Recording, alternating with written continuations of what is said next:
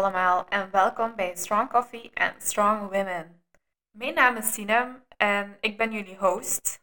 Uh, ik ga momenteel zelf door een burn-out en voelde toch al wat langer de nood om mij te herontdekken. Uh, nu, dat, dat, gaat niet zo heel gemakkelijk en om nieuwe inzichten te verkrijgen, praat ik in het dagelijks leven wel eens met andere mensen uh, om hun ideeën hierover te horen zo kwam ik eigenlijk op het idee om een podcast te doen om deze inzichten ook met jullie te delen. In deze serie spreek ik met sterke vrouwen en in elke aflevering komt er een nieuw onderwerp naar boven. In aflevering 2 zit ik samen met mijn gast Merve, die ons vandaag vertelt hoe zij is omgegaan met de dood van haar broertje, die overleed aan een auto-ongeval op 18-jarige leeftijd.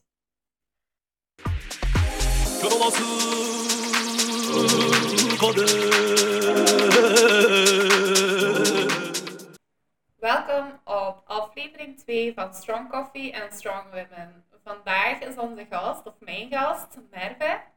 Uh, voor de mensen die aflevering 1 hadden beluisterd, Merve was in aflevering 1 mijn co-host. Uh, ze is vandaag gepromoveerd naar gast.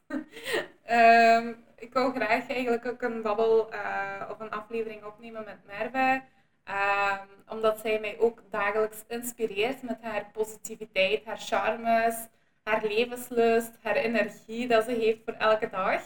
Um, dus welkom Merve op deze aflevering. Dankjewel uh, Sinan voor de uitnodiging. Um, ik vind het echt leuk om deze keer aan de overkant van de tafel te zitten.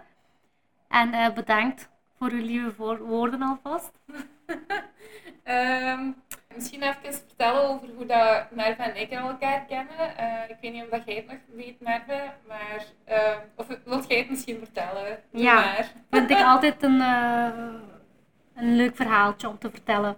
Dus Sinem en ik woonden in dezelfde straat toen we kinderen waren. Ik woon daar nog steeds. Zij woonde daar met haar grootouders en ouders. En um, haar moeder belde mij en zei kom Sinem uit huis halen en uh, je moet haar echt um, dwingen om met u op straat te spelen. Want Sinem was echt een huismus en uh, zat altijd achter de pc of gewoon thuis alleen te spelen. Wacht, wacht, even facts. Je moet even teruggaan naar toen we 5, 6 jaar waren. Toen bestond er nog geen computer. Ah ja, sorry. Oké, ik weet niet wat je toen aan het doen was, maar toen was je ook al een beetje asociaal. En uh, ik moest u komen sociaal maken van uw mama, want ik was echt een straatkind. Thanks. Ik uh, ben opgegroeid met mijn broer en zijn vrienden. Ja, ik was een halve jongen. Dus ik denk uh, dat ik uw mama toen ook al inspireerde. Dus die social skills heb je aan mij te danken, Sinem. Nee, nee, nee. Let's talk facts. Ik was sowieso een sociaal kind, maar ik kwam niet graag buiten en ik speelde niet graag met jongens. En jij werd de tomboy van de buurt. Ja. En ja, jij werd de enige die misschien uh, van mijn leeftijd was, uh, waardoor dat mijn mama waarschijnlijk dacht van, hmm, she could be friends with her. Maar we waren niet echt bepaald hetzelfde, of ja, een gelijkaardig profiel, denk ik. Ik was zo'n rustig kind, terwijl dat jij zo de energieke... Uh, verstoppertje spelende en tikkertje spelende tomboy van de straat was. Ja, klopt inderdaad. Maar kijk, 25 jaar later zijn we hier hè, samen. Het heeft dus gewerkt. Still going strong. Inderdaad. Still going strong. Inderdaad. Oké, okay, um, ja, misschien uh, terug uh, naar mijn intro. Ik had u genoemd als een heel energiek en levenslustig mens, maar dat is eigenlijk niet zo uh, vanzelfsprekend, want je hebt echt wel let's be honest, shit meegemaakt in uw leven. Uh, ja, ik ga mezelf niet censureren. Dit is mijn podcast, dus ik mag hier shit en fuck en alles zeggen wat ik wil. um, ja, maar ik dacht even van, ja, uh, je hebt toch wel dingen meegemaakt dat niet zo zalig zijn in het leven. Um, en here you are, nog altijd dezelfde energie, nog altijd dezelfde positiviteit. En ik vraag me eigenlijk soms wel af van hoe komt het dat je toch zo uh, positief in het leven kunt staan na alles wat je toch hebt meegemaakt. Dus uh, misschien eventjes daarover. Uh, als we teruggaan naar vijf jaar geleden, kunt je ons vertellen wat jij precies hebt meegemaakt en waarom dat we vandaag eigenlijk hier zijn? Ja, oké. Um, dus vijf jaar geleden, bijna vijf jaar geleden, um, is mijn broertje overleden. Ik wil eerst nog even zeggen dat het vandaag zijn verjaardag is. Dus vandaag is eigenlijk een beetje een ode aan hem. En ik vind het fijn dat ik hier mijn verhaal over hem kan doen op Een deze hommage. dag. Hè? Een hommage. Echt, ja, inderdaad. En ehm, ook eigenlijk grappig, ik ga mijn verhaal zelfs vertellen. Als kind ehm, was ik niet enkel een tomboy, maar ook wel vrij creatief, al zeg ik het zelf. Ik nam namelijk mijn eigen podcast op. Allee, ik weet niet of je het echt podcast kunt noemen, maar ik had mijn eigen radioprogramma en dat noemde Radio Merve. Ja, echt. Dus ehm, Cheesy. ik interviewde mensen, waaronder jij, waaronder u.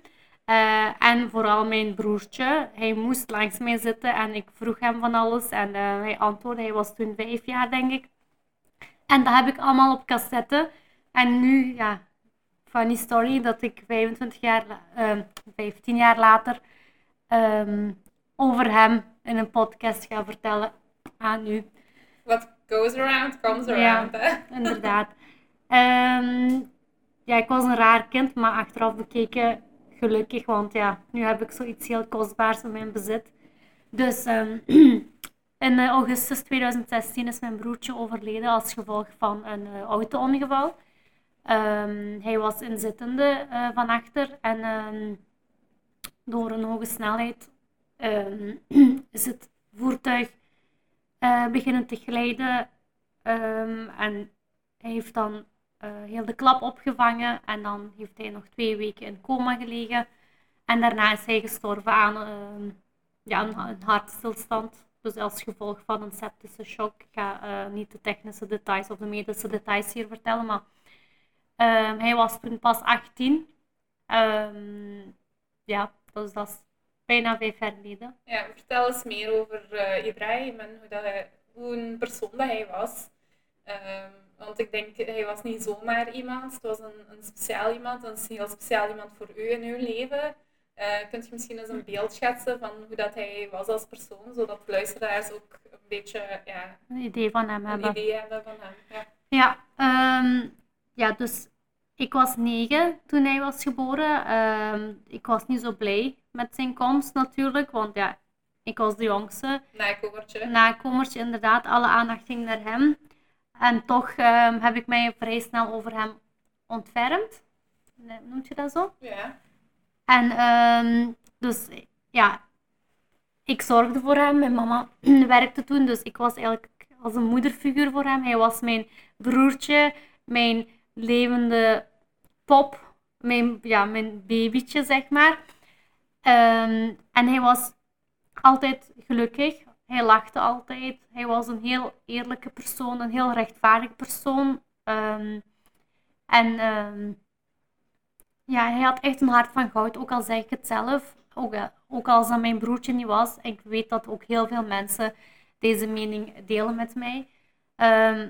Wat ik zou zeggen is, ik kan niet veel... Allee, je, moet het zelf, je had het zelf moeten ondervinden wat voor een persoon hij was. En echt jammer voor mensen die, hem, die niet de kans hebben gehad om hem te leren kennen.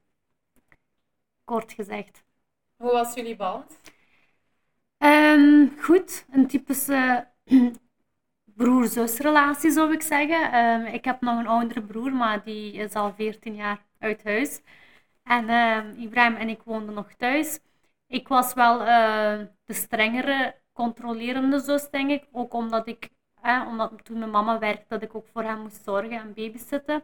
Maar omdat ik zelf op eh, vrij jonge leeftijd al op mijn eigen benen heb leren staan, wou ik ook dat hij dat deed. Dus ehm, ik pushte hem om zelf initiatief te nemen, om ehm, zelfstandig te worden. Ook al deed hij dat niet, hij was meer aan de luiere kant. En, ehm, maar toch, elke avond hadden we onze quality time. We kwamen thuis en we lachten ons ziek. En ehm, ja, ik, ik, ja, ik, ehm, ja, hoe moet ik het zeggen? Het was ja, een typische ja, broer-zus-relatie in het kort. Ehm, we konden goed opschieten. Alleen, nu dacht ik dat je toch ook meer ging vertellen over hoe dat jullie waren als kind. Ja, Your dress-up stories. ja inderdaad. Als kind, ehm, ik zei levende pop. Ehm, als kind, ja, ik wou heel graag een zusje, maar ja, ik kreeg een broertje. Dus ik ehm, verkleedde hem. als een meisje. Sorry, Ibrahim. ik uh, schminkte hem. Ik heb zelfs een keer glitternagellak op zijn oogleden gedaan. En dat plakte en dat kind begon te wenen. En oh my god, mijn mama was zo kwaad. En want dat was ook zo'n schatje. Dus wanneer ik wegging van huis, als ik met de fiets naar vriendinnen ging, kwam hij mij altijd achterna. En zo is hij een paar keer ja, weggelopen van huis. Alleen niet weggelopen, maar hij kwam mij achterna en niemand had dat door. En opeens was Ibrahim weg. Gelukkig was er een keer iemand die vond dat Ibrahim op mijn onkel leek. En zij dachten van, ah ja, dat, is een, dat zal wel familie zijn van Turgay. We gaan, we gaan hem naar het Daalhuis brengen. En zo per toeval hebben we Ibrahim teruggevonden. Zo. En um, dat deed hij dus vaak. Ik denk dat hij zo fel naar mij opkeek keek of zo fel aan mij gehecht was. Dat was echt zo'n duckling eigenlijk. Ja, dat hij mij gewoon altijd wel Waar hij naartoe ging, kwam, kwam hij achter u Ja, inderdaad. Ook al deed ik hem die dingen aan. Of Cute! Ja, toch bleef hij zo opkijken naar mij. En ehm, ook zo, nadat hij was gestorven, heb ik dan van verschillende mensen onder, alleen mogen ondervinden dat hij erg trots was op mij. Ook al sprak hij dat niet echt uit naar mij toe. Maar, ehm, Ja, dat wil ik u eigenlijk nu nog vragen. Want uh, iemand die sterft op een heel jonge leeftijd, ik denk dat laat zeker wel een heel grote, um, een, een, ja, hoe noem je dat? Misschien een afdruk na of een, een soort van stempel na in een, in een familie. Um, een heel grote leegte, denk ik. Uh, dat is niet gemakkelijk en zeker niet omdat jullie band dan zo goed was. Um, het verlies van iemand, dat is sowieso nooit niet gemakkelijk. Hè? Dat denk ik sowieso niet. Maar um, hoe, hoe was rouwen eigenlijk voor u? Hoe, heb je dat proces eigenlijk uh, beleefd? Dus inderdaad, ik had eigenlijk nooit iemand verloren voor hem. Wel mijn oma, maar daar had ik niet echt zo'n goede band mee. Dus Ibrahim was dan de eerste persoon die ik had verloren. Maar ook meteen mijn klein broertje. Dus inderdaad, dat, dat is dat is een van de ergste dingen dat je kunt meemaken. Plus, hij is de jongste, ook de jongste van de familie, van heel de familie. Ja, de, de volgorde klopt niet, dat is gewoon onnatuurlijk. En hij is gewoon heel plots overleden. Hè? Van de ene dag op de andere. Oké, ja, na drie, 13 dagen in coma te, liggen, maar toch, zoiets verwacht je niet, dat klopt niet. Maar toch heb ik nooit, um, heb ik er nooit zo negatief of met afkeer of met woede naar gekeken. Ik heb daar nooit echt met uh, onbegrip naar gekeken. En ik denk dat dat uh, mij heeft geholpen om positief te blijven, zoals gezegd, en om mijn rouwproces te vergemakkelijken. Ja, wij zijn moslims, wij geloven erin hè, dat wanneer je tijd komt, dat je moet gaan. En um, ja, natuurlijk te vroeg. Hè. Natuurlijk had ik hem uh, langer bij mij gehad dan 18 jaar, maar ik heb altijd naar de positieve keerzijde gekeken. Dus ik heb altijd gedacht van, ik heb het geluk gehad om, om hem 18 jaar te kennen. Hij is in mijn leven geweest. En nu is hij er niet meer. En ik koester gewoon al die momenten. En um, omdat ik dan ja, gelovig ben, gelukkig, uh, is dat echt mijn grootste troost geweest en mijn houvast geweest. Um, op die manier heb ik dat proberen te plaatsen in mijn leven. Ja, rouw is nu wel iets heel persoonlijks. En uh, ik merk wel dat je dat toch op een heel krachtige manier hebt opgepakt. En dat je, mm, zeg maar iets, dat je heel snel een plaats hebt proberen te geven. Maar uh, dat is niet voor iedereen even hetzelfde. Dat is iets heel persoonlijks. Iedereen beleeft op een andere manier. Um, ja, ik weet niet, uh, mensen die dat op een andere manier hebben beleefd dan nu hoe, hoe, ziet, hoe je dat eigenlijk? Hoe kijkt je daarnaar? Het is inderdaad heel persoonlijk, uh, maar ik kan niet zo echt goed om met de termen als een plaats proberen te geven in hun leven. Want vaak zeggen mensen, ja, je moet daarmee leren leven. dat, is, dat is een pagina, of een pagina in een boek dat je moet proberen um, om te slaan. Maar ten eerste ik wil dat niet. Ik wil dat niet afsluiten. En ze zeggen van, eh, get over it of eh, move on. Maar ik wil dat niet afsluiten, want dat is mijn broertje. Dat is en blijft een deel van mijn leven. En dat zal altijd blijven pijn doen. Sommige dagen meer dan andere. En uh, ik heb uh, er gewoon bewust voor gekozen om mijn leven gewoon op te pikken en door te gaan. Want ik was zelf nog maar 25 jaar. Plus op dat moment wat weet ik van het leven? Wat weet ik van verdriet? Nog nooit had ik ook zoiets meegemaakt. Ik wist ook niet hoe ik daarmee moest omgaan. Dus ik heb het misschien toen wel een beetje onderdrukt.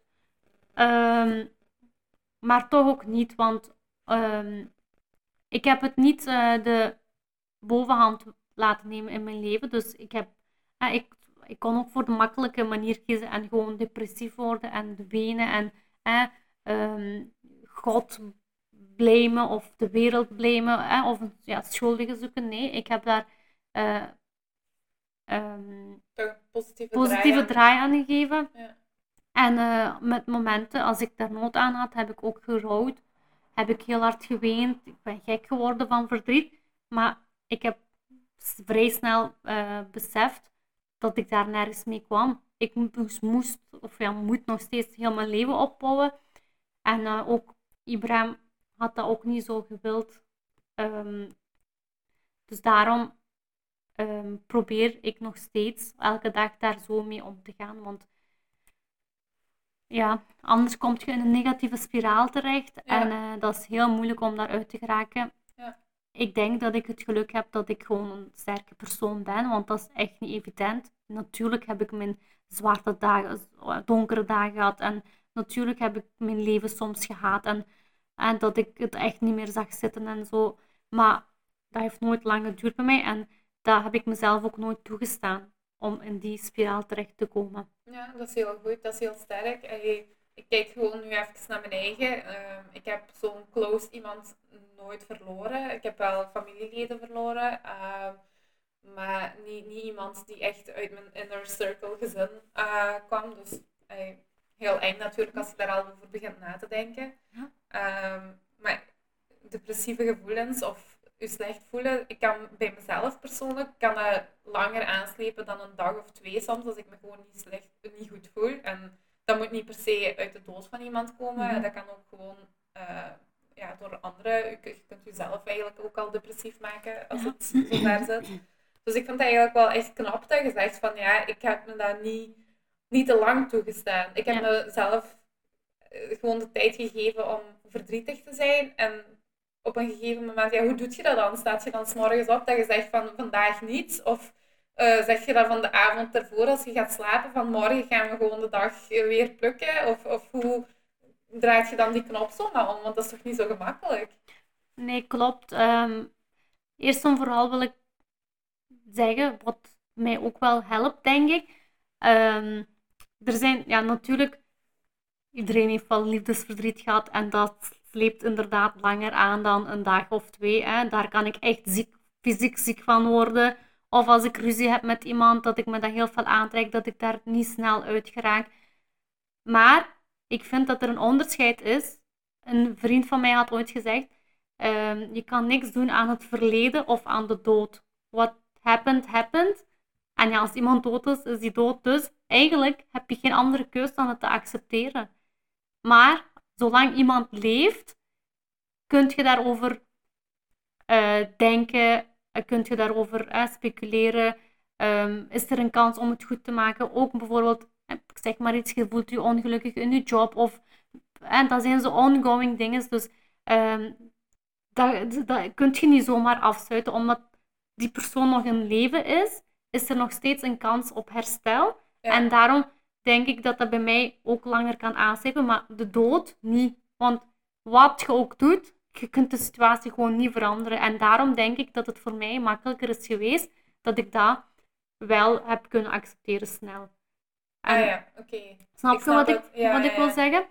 Um, en natuurlijk heb ik ook depressieve gevoelens gehad. Of, eh, maar op een gegeven moment heb ik gezegd tegen mij, kijk Merve, eh, inderdaad, ik hou van het leven, ik ben positief en ik ga dat gewoon doortrekken in elke dag en in alle volgende dagen. En op een bepaald moment heb ik besloten, als ik nu opsta, ga ik gewoon zeggen tegen mij, oké, tegen mezelf zeggen van oké, het is een mooie dag, ik ben, ik, ga, ik ben gelukkig, ik voel me goed. En zo stond ik op met die positieve gevoelens. En sinds die dag heb ik mij echt geen enkele ochtend slecht gevoeld. Natuurlijk gebeuren er doorheen de dag rotte dingen waardoor je rot voelt. Natuurlijk, de file bijvoorbeeld. Ja, de file, verkeersagressie, amai, dat heb ik echt. Maar zo banale dingen echt. Ja, ja, ja. Maar nooit echt heel serieuze dingen, zoals de dood. En ehm, dan kan ik me ook sneller over die dingen zetten. Zo. Er is Ja. niks zo serieus en pijnlijks als de dood. Heeft dat u ook een beetje perspectief gegeven? Bedoel je dat ook een beetje van? Ook, ja. Ja. En bijvoorbeeld, ehm, ik was al iemand die genoot van de kleine dingen. Hè. Ik ben niet echt materialistisch opgesteld, behalve dat ik soms veel shop. Maar ehm, ik word heel... Zeg het maar niet zo stil. Ja. Ik word eh, heel gelukkig alleen al door naar een zonsondergang te kijken. Of gewoon als ik iemand gelukkig kan maken, als ik iemand een cadeautje kan geven, gewoon die lach op, de persoon, op, de, op het gezicht van die persoon. Het zijn zo echt stomme kleine dingen die mij gelukkig maken. En eh, na de dood van mijn broertje heb ik daar precies, eh allee, haal ik Nog daar meer nog meer appreciatie. appreciatie voor. Inderdaad, ik apprecieer echt gewoon de kleine dingen. En ook wat heel belangrijk, eh, wat een heel belangrijke rol hierin heeft gespeeld, is, zoals gezegd, pers- perspectief. Ik ehm, denk altijd, oké, ik heb dit meegemaakt, dit is iets ergs, maar er is altijd iemand die iets ergers heeft meegemaakt. Ik ben heel dankbaar. Ik heb, mijn beide ouders nog, hè, ja, zo gezond als ze zijn, als ze kunnen zijn. Ik heb een dak, sorry, boven mijn hoofd. Ik heb mijn job. Ik kan gaan en staan waar ik wil, hè, pre-corona natuurlijk. Ik heb zoveel vrienden van wie ik hou, die van mij houden. Dus dat zijn zoveel dingen die eigenlijk niet vanzelfsprekend zijn voor anderen. Oké, ik heb mijn broertje verloren, maar bijvoorbeeld als we nu kijken naar het conflict in Palestina, hè, zoveel mensen die gewoon onschuldige kinderen die gewoon sterven, op die op één dag heel hun familie verliezen, alle, alles verliezen. Snap je? Er zijn echt, echt wel veel ergere dingen in het leven. Mm. En eh, waardoor ik mijn problemen minimaliseer. Oké, dat snap ik, maar misschien heel even daarover, want ik heb daar zelf ook over nagedacht van op momenten dat ik me slecht voelde, van, ehm, dat ik het probeerde goed te praten door te zeggen van mensen hebben het erger, dus ik moet dankbaar zijn, maar dat werkt op dat moment als je je heel slecht voelt niet altijd even goed, want uw eigen gevoelens zijn ook wel valid, dus je moet ze ook Ja. wel, ehm, ja, hoe zeg je dat, Ehm, de erkenning geven Dat van dat, dat ze bestaan. Ja, dus ja. het is niet van Ehm, omdat mensen het erger hebben dan u, dat jij je daarom ook niet slecht mocht voelen. Dus je Nee. mocht altijd erkenning geven aan die slechte gevoelens. Maar inderdaad, achteraf kun je nog altijd zeggen van ja, ik voelde me heel slecht. Maar achteraf Je kunt beter relativeren. Ja, kun je het misschien beter relativeren als je uit die moed ook wel bent. Inderdaad. Dus ook misschien voor de mensen die aan het luisteren zijn, die zich op dit moment minder voelen. Slecht voelen, inderdaad. Jullie, allee, jullie gevoelens, die, die Zeker. matter. Hè? Ja, Absoluut. sowieso mental health issues. En sowieso, dat is allemaal heel belangrijk. Ehm, maar dat is gewoon misschien een ja, motivatie of gewoon een duwtje in de rug om naar de positieve of naar eh, een halfvolle glas te kijken. Ehm, je moet jezelf gewoon ja, niet wijsmaken, want het is wel zo. Het wordt gewoon beter. Hè. Je komt eruit, hopelijk.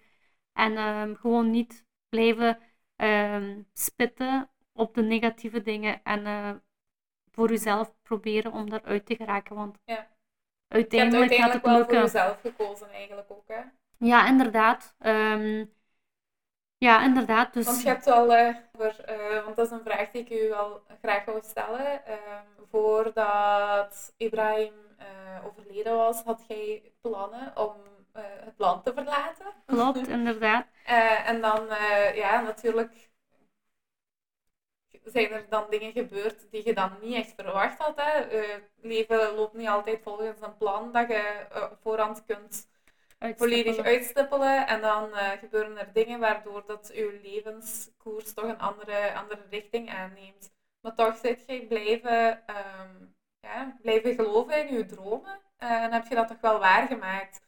Eh kunt je misschien iets daarover verder vertellen? Ja, het is inderdaad sowieso niet makkelijk geweest. Dus ehm, ik had in 2016 maart beslist om naar Turkije te verhuizen. Het was al heel lang een droom van mij om een buitenlandse ervaring te hebben. Het was een stage of een job of iets. Maar dat was er nooit van gekomen. En toen heb ik beslist om naar Istanbul te gaan. Naar eh, ja, mijn moederland, vaderland, hoe noem je dat? En ehm, ik had toen eh, mijn job opgezegd. Ik werkte toen bij de KBC, dus ik had drie maanden opzeg. En net in de laatste drie weken van mijn opzeg is Ibrahim gestorven. Dus eind augustus had ik geen job meer en ook geen toekomstperspectief meer. Dus ik zat daar in Beringen, geen inkomen, geen job, niks. Dus ik ben een tijdje gebleven België, sowieso voor mijn ouders, want ja, ik zag mijn mama echt wegkwijnen voor mijn ogen. Ehm, ik had zo goed volgehouden dat ik ehm, mijn gevoelens niet echt voor haar wou uiten, want ik maakte me zorgen zodat, eh, um, omwille van het feit dat ze zich ook nog eens uh, moest bekommeren om mij. Zij had al zoveel pijn, dus ik wou ook niet eens dat zij zag dat ik pijn had. En dat even ter, terzijde. Dus ik had beslist van oké, ik wil er voor mijn ouders zijn. Ik ga er blijven. Ik ga haar niet alleen laten, want ja, anders was het alleen mama en papa thuis. En dan toch, dat is blijven jeuken. Uh, hoe noemt je dat? Buitenlandse microben. Uh, dus ik heb dan toch uiteindelijk beslist van toch te vertrekken. En dan het jaar daarop, in februari, uh, heb ik beslist van oké, ik ga naar Turkije. Ik heb een job gezocht en ik ben naar Istanbul verhuisd, helemaal alleen. Ja, dat werd uh, toch niet echt heel veel geapprecieerd door andere mensen, denk ik. Hè? Allee, misschien wel door je ouders, dat, dat was wel oké, maar je kreeg daar wel wat negatieve reacties op. Ja, ja inderdaad. Um, mensen waren nogal uh, aan het vooroordelen, omdat dat ik denk vooral gewoon uit onbegrip, omdat ze dat niet gepast vonden dat ik eventjes vertrok nadat ik zoiets had meegemaakt. Maar dat vond ik ten eerste helemaal niet eerlijk ten opzichte van mij, want ik weet wat ik heb meegemaakt, ik weet welke gevoelens ik heb gehad, hoeveel verdriet ik heb gehad. En ik probeer gewoon mijn leven op te pikken. Mijn ouders staan achter mij.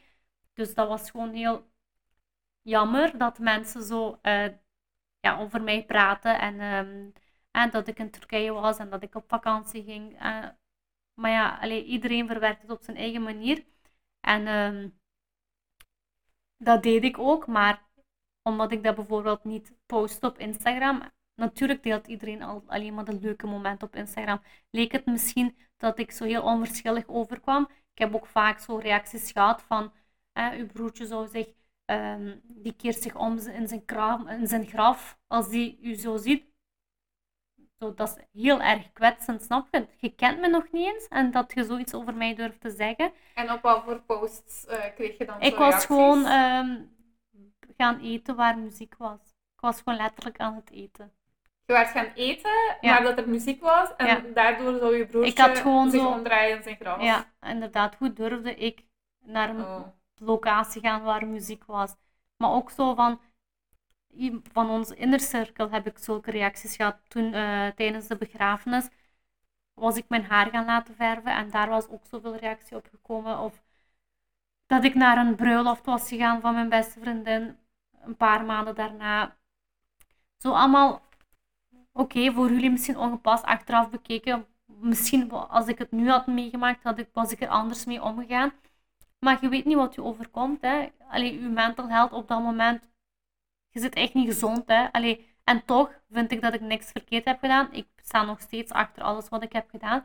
Maar het is gewoon heel makkelijk voor mensen om daarover te praten en te roddelen.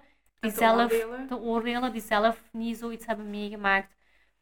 Um, dat heeft mijn band met mijn mama ook een tijdje kapot gemaakt. Wat ik ook heel jammer vond, want we hadden elkaar alleen nog maar. En dat dat gewoon door andere mensen, die gewoon helemaal niks met ons gezin te maken hadden, dat dat daardoor um, ja, beschadigd is, is geweest.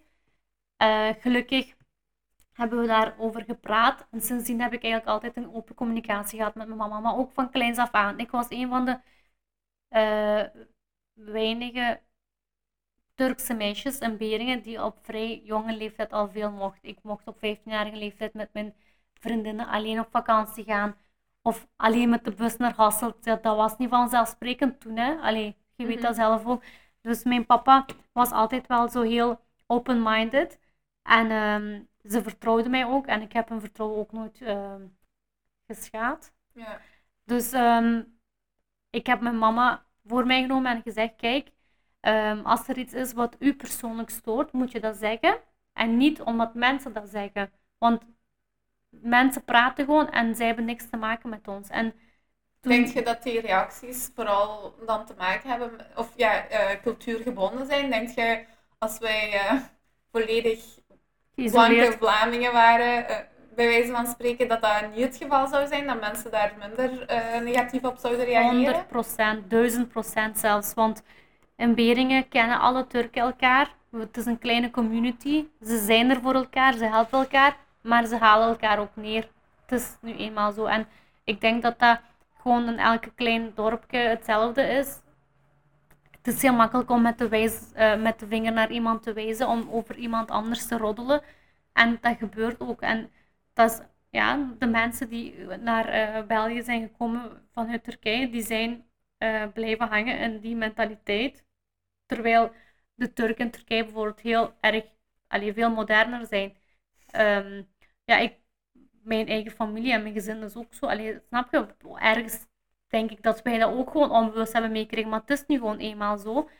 Um, ja, er gebeurt niet veel in Beringen en ja. Als er dan iets gebeurt, dan is het big news. Dan is het big news en ja, ik, ik werd nogal gevolgd op Instagram en iedereen was uh, nieuwsgierig naar mijn leven, levensstijl toe toch kreeg ik heel veel positieve reacties van mensen. Echt chapeau dat jij ermee omgaat en we kijken echt naar u op en je maakt echt het beste van je leven en zo.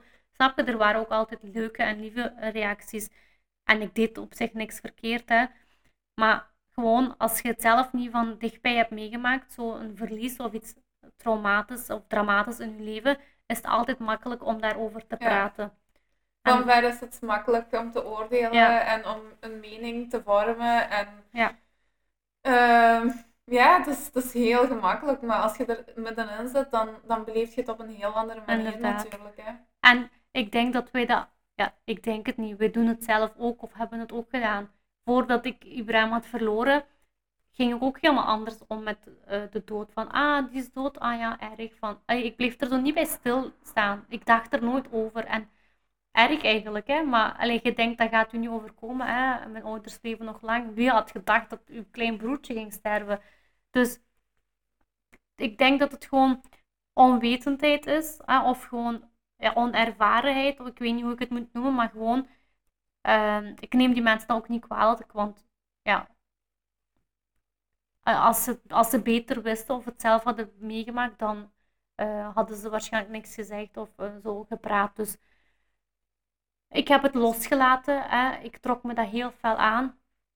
En uh, ik denk met het ouder worden ook. Um...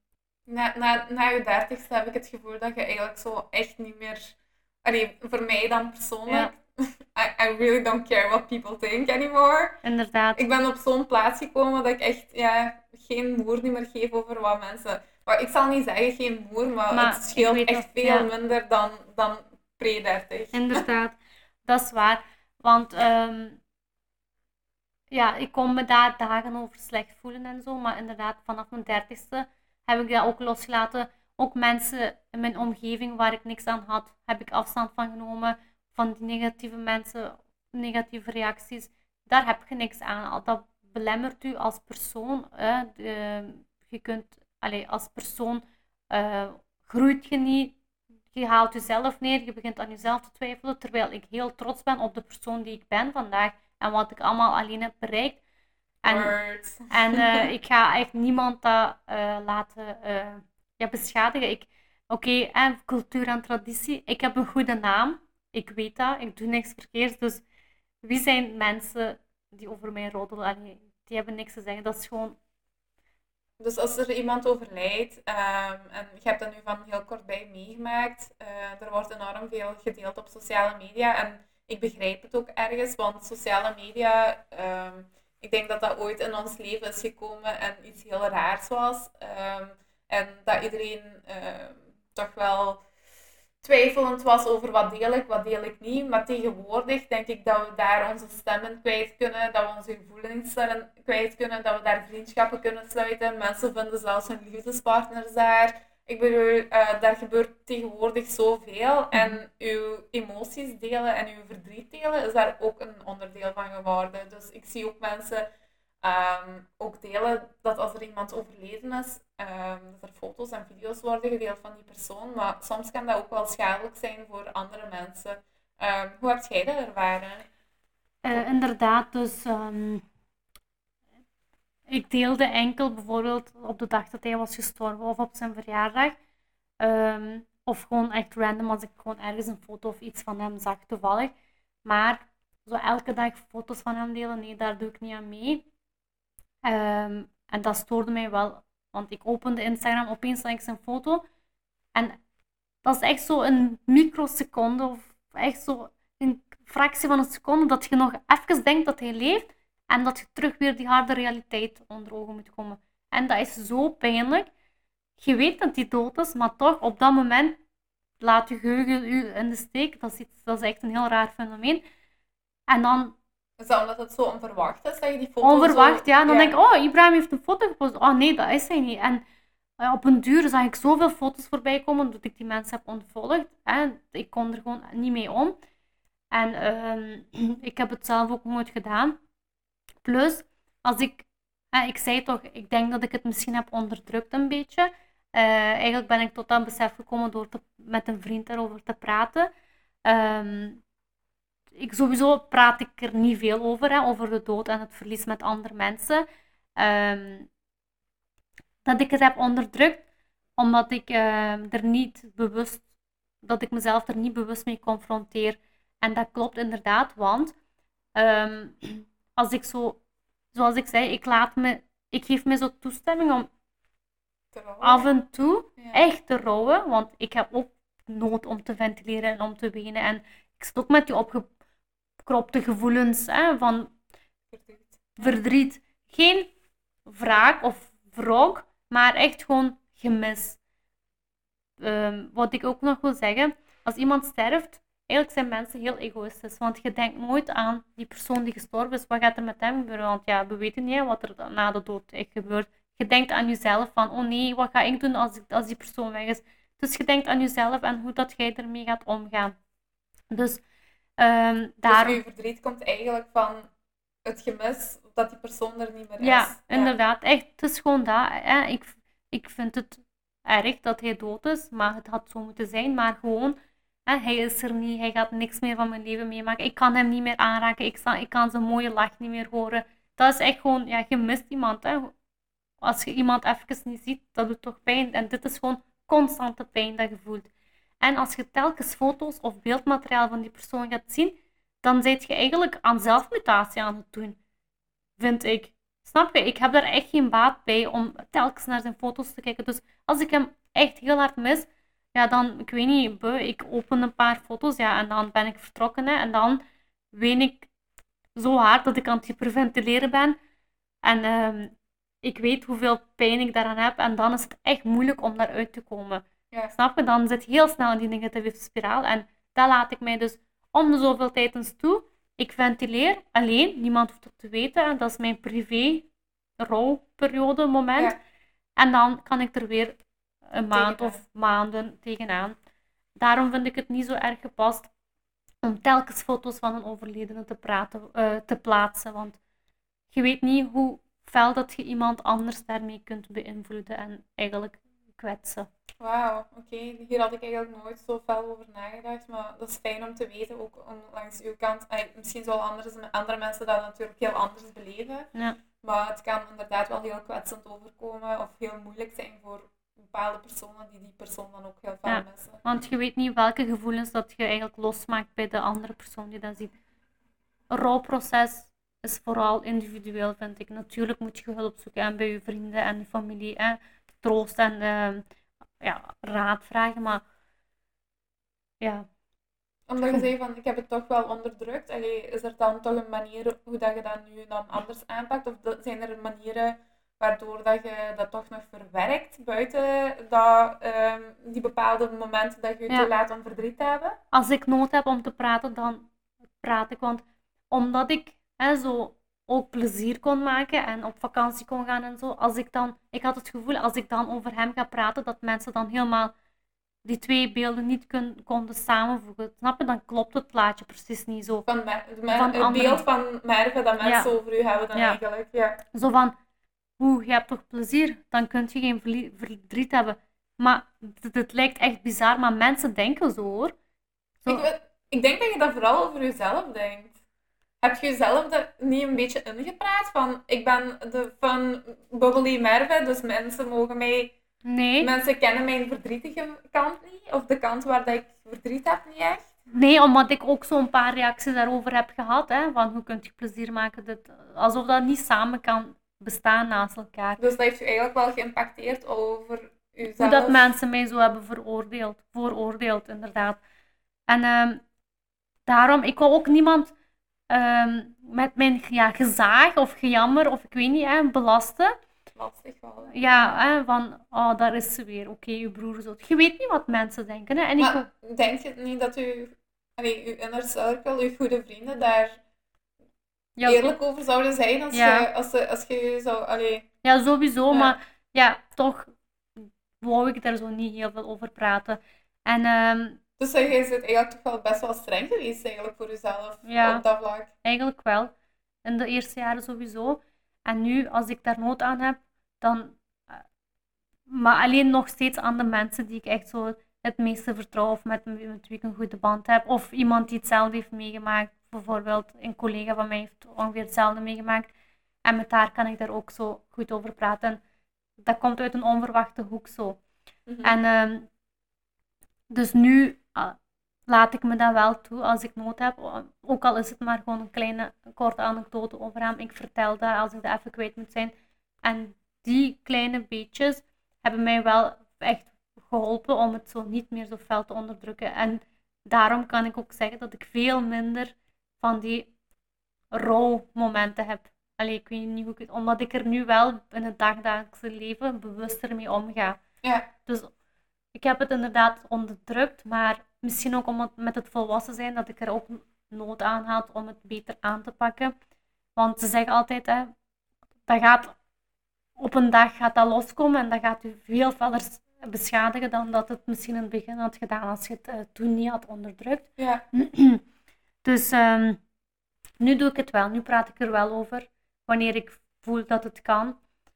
Natuurlijk, als iemand ehm, ja, perplex staat en die niet weet wat hij moet terugzeggen, dan ja, zult je ook niet meer over dit onderwerp praten. Maar dat voelt je vrij snel aan. Sommige mensen zijn heel awkward daarmee. En je weet van, oké, ja, die heeft helemaal niks ergs meegemaakt in zijn leven. Dus die gaat niet, ik ga me dan alleen maar irriteren aan de De reactie, opmerkingen, ja. inderdaad. Snap je? Iemand moet niet zeggen tegen mij, oh, het komt goed. Ah ja, gaat hij terug uit zijn graf lopen? Allee. Het komt niet goed, snap je? Ik heb dat niet nodig. Ik heb die reactie Je niet hebt gewoon nodig. misschien een luisterend Ja, oor gewoon nodig luister gewoon, dat. Ja. inderdaad. Hè, mag ik even wenen op je schouder? Dat is echt meer dan genoeg. En ik denk dat mensen gewoon een beetje ver- verfijnder moeten omgaan met iemand die iemand heeft verloren. Ehm, echt gewoon een luisterend oor bieden. Ehm, als iemand in mijn omgeving iemand heeft verloren, ik zeg gewoon, kijk, als je, me, als je wilt bellen, of als je wilt praten, bel mij of stuur mij. Ik luister, want meer kun je inderdaad niet doen Mhm. beter zoiets zeggen dan dat je echt zo ja, domme, stomme dingen zegt. Ja, ik vind het eigenlijk heel moeilijk altijd als er pas iemand is overleden. Hebben wij zo van die ehm, eh, condolences, gecondoleerd. Ehm, en dan in Turk zijn er ook nog zo'n aantal zinnen. Ehm, wordt dat echt verwacht? Eh, de persoon die, die dan iemand heeft verloren, verwacht die echt zo die zinnen? Want ik moet altijd ook altijd nadenken van, wat was die zin ook alweer? Ik ben bang dat ik zo het verkeerde zeg Ja. van...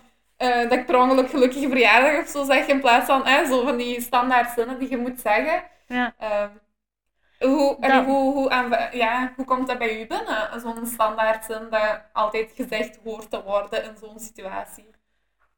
Ehm, goh. Als iemand nu tegen u gecondoleerd Ja. zegt. Ja, dat is fijn dat, eh, om te lezen dat, dat mensen meevoelen. Vooral toen hij toen was gestorven, hebben we van zoveel mensen berichten gehad. Ook van mensen die we niet kenden, die ook voor hem hadden gebeden en zo. En dat is toch wel fijn om dat te lezen, dat zoveel mensen om hem gaven. Ook eh, de opkomst op zijn begrafenis in Beringen en in Turkije. Dat geeft u toch wel een morele steun. Ja. En je hoeft niet veel te zeggen. Hè. Ja, Başını sağ olsun is hè, een Turks eh, enige deelneming.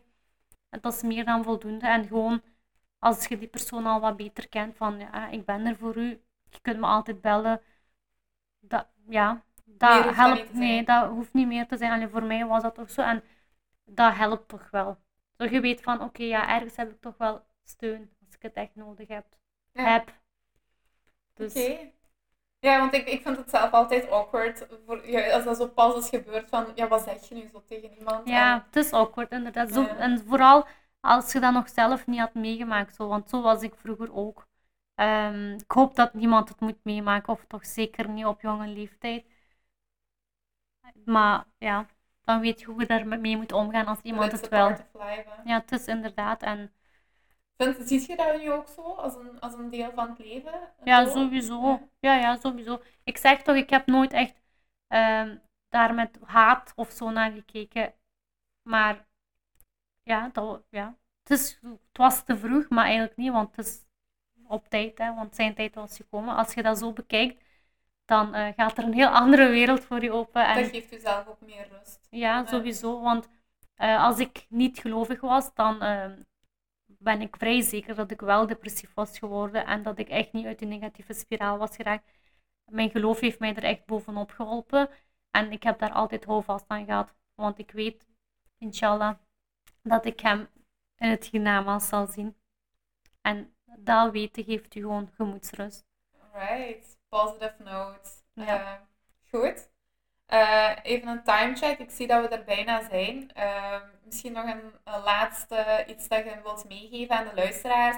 En misschien specifiek aan mensen die pas iemand hebben verloren. Om hun, ja, ik weet niet, hun hart onder de riem te steken. Wat zou je hen willen vertellen? Er is geen juiste manier om met verlies om te gaan. Het is alleen uw manier hoe dat je ermee omgaat. Doe waar jij je goed bij voelt. Forceer u niet. En je hoeft niet meteen door te gaan met het leven. Het is gewoon hoe dat jij het wilt aanpakken. En maar als je voelt dat je het niet alleen kunt verwerken, zoek dan hulp. En vertrouw op je naaste. Ah, mooi. Dat is heel wholesome. Dank je, Merve. Bedankt om hier te zijn, om je verhaal te delen. Ik denk niet dat dat gemakkelijk is, maar Nee, het is een een van de weinige keren dat ik niet heb geweend terwijl ik over hem aan het praten was. En dan vind ik dat ik als persoon ben gegroeid. Bedankt om mij te interviewen. Bedankt voor hier te zijn, dank je. Merci. Love. Doei.